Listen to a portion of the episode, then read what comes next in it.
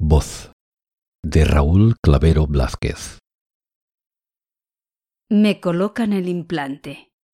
Lo encienden. Después de tantos años de silencio y de espera, se abre ante mí un mundo distinto. Mi marido sostiene mis manos entre las suyas. Le tiemblan los dedos. Suda. Sudo. Habla y escucho su voz por primera vez. Llora. Lloro.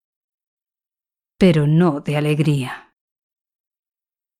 Relato ganador del concurso de microrelatos de la Biblioteca Esteve Palutzí de Barberà del Vallès de marzo de 2021. Grabación en veu alta.